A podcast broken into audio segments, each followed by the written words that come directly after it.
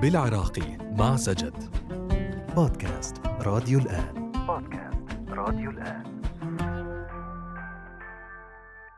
فرض الضوابط على محتوى المشاهير. هل هو تقييد للحريات؟ بعد أن كانت الشركات الدعائية تتسابق نحو القنوات الفضائية للاتفاق معها من أجل الترويج لمنتجاتها وفق ضوابط قانونية تفرضها كل قناة بحسب جنسيتها ومقرها. أما بعد أن أصبح مشاهير مواقع التواصل الاجتماعي ينافسون بعض القنوات بعدد المتابعين والتأثير تحولت أنظار الشركات صوبهم وبدأت بدفع أموال طائلة للمشاهير للترويج في حساباتهم الرسمية على إنستغرام وسناب شات وتطبيقات أخرى. لكن هل ما كان يطبق من ضوابط على الإعلانات التي تعرض على التلفاز تطبق الآن على المشاهير؟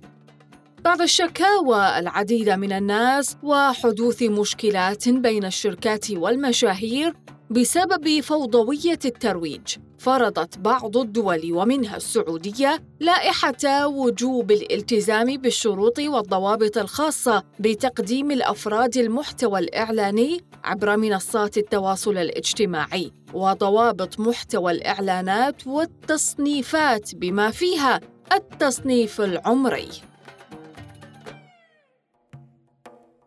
وتشمل الاشتراطات أيضا على وجوب أن تعرض الإعلانات من خلال حساب مسجل لدى الهيئات المختصة ومرتبط بالترخيص الممنوح للمرخص له إضافة إلى وجوب التنويه قبل الإعلان بالإشارة إلى أنه محتوى إعلاني سواء بالكتابة أو شفهياً على أن يكون ذلك بشكل واضح للمتلقي. كما يلزم التحقق من المنتجات أو الخدمات التي سيتم الإعلان عنها وأن تكون مرخصة بحسب الأنظمة واللوائح ذات العلاقة. هذه اللائحة التي طبقت في السعودية واتخذت العديد من الدول قرارات مشابهة لها تحفظ حقوق الجميع الشركة المشهور والجمهور المتلقي لكن هل هي قابلة للتطبيق في العراق؟ في البلدان التي تعيش حروبا متتالية وأزمات اقتصادية وسياسية عديدة تعم فيها الفوضى وهذا ما حدث في العراق. الفوضى خيمت على كل شيء ليس فقط في السياسة. ففي موضوع الإعلانات ترى بعض المشاهير يعلنون عن منتجات طبية حساسة ويدعون أنهم قاموا باستخدامها قبل الترويج لها لكن بدون دليل يثبت ذلك. وتراهم يروجون لمحتوى لا يتناسب مع الذوق العام والفئات العمرية التي تتابعهم خاصة من غير البالغين. آخرون يتم اتهامهم بالقيام بأعمال غير قانونية مثل غسيل الأموال والمتاجرة بالنساء وهذه مواضيع حساسة جدا وتحتاج إلى ملاحقة وتحقيق من قبل الجهات المختصة. أسئلة ضيف حلقة هذا الأسبوع حول موضوع إعلانات المشاهير في العراق. هل فرض ضوابط على محتوى المشاهير يقيد الحرية أم يهذبها؟ من رأيي الشخصي أنا مع فرض قيود على محتوى المشاهير لسبب. إنه بنسبة كبيرة من رواد مواقع التواصل الاجتماعي والمنصات هم من فئة الأطفال والمراهقين فمن الضروري أكيد مراعاة إنه يكون الطرح لائق. لكن أن تكون هذه القيود مرنة لأنه إحنا بالأول والأخير بساحة كبيرة جدا ولازم نراعي بيها جميع وجهات النظر المتابعة. أما بالنسبة للتهذيب فأظن هذا الموضوع يرجع للشخص نفسه.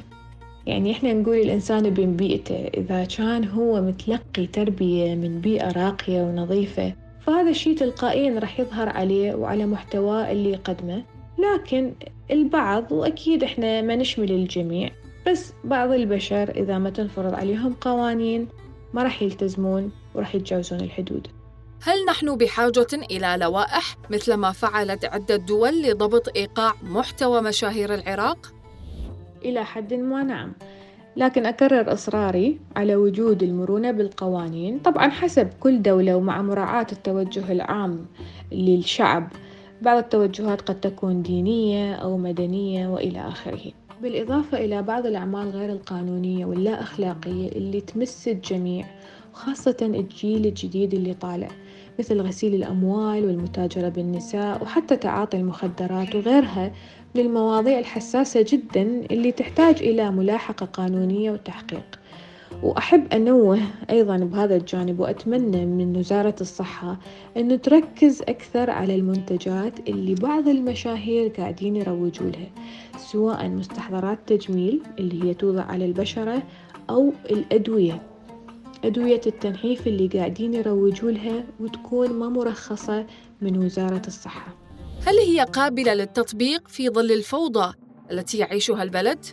ما أعتقد بالوقت الحالي للأسف لكن أكيد أتمنى وأطمح بأنه تطبق هيك قوانين ببلدي كوني خارج العراق لكن الموضوع واضح من خلال متابعتي للأخبار وللمشاهير ولما يعرض على مواقع التواصل الاجتماعي نعم بحاجة جدا لتطبيقها في حال وضعت مع ضرورة الوضع بعين الاعتبار خفة العقوبة اللي يعني يرتبها القانون. يعني مثلا ممكن تكون غرامة مالية أو توقيف الحساب آه، لفترة مؤقتة لكن أكيد هاي العقوبات ما تشمل المواضيع الحساسة اللي ذكرناها قبل شوية.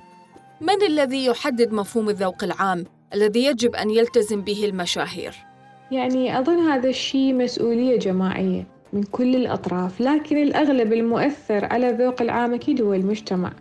وكل ما كان المجتمع أكثر وعي أكثر نضج وثقافة تلقائيا راح يهمش أي صاحب محتوى سيء فبالتالي راح نصفه بذوق عام يليق بالجميع وبالمحتوى اللي كنا نطمح له. يتضح مما سبق أن لا غنى عن وجود مبادئ ومحددات لضبط كل ما يخرج للجمهور خصوصا وأن المشاهير أصبحوا يؤثرون على أفكار الناس ونمط حياتهم لكن بشكل لا يؤثر على حرياتهم الشخصية ولا ينتهك خصوصياتهم من أجل الحفاظ على المجتمع من التفكك والانهيار. انتظرونا كل اثنين في بودكاست جديد نتحدث فيه عن قصص لم تروى ولم يسلط الضوء عليها في العراق. تابعوا بودكاست بالعراقي. معي أنا سجد الجبوري.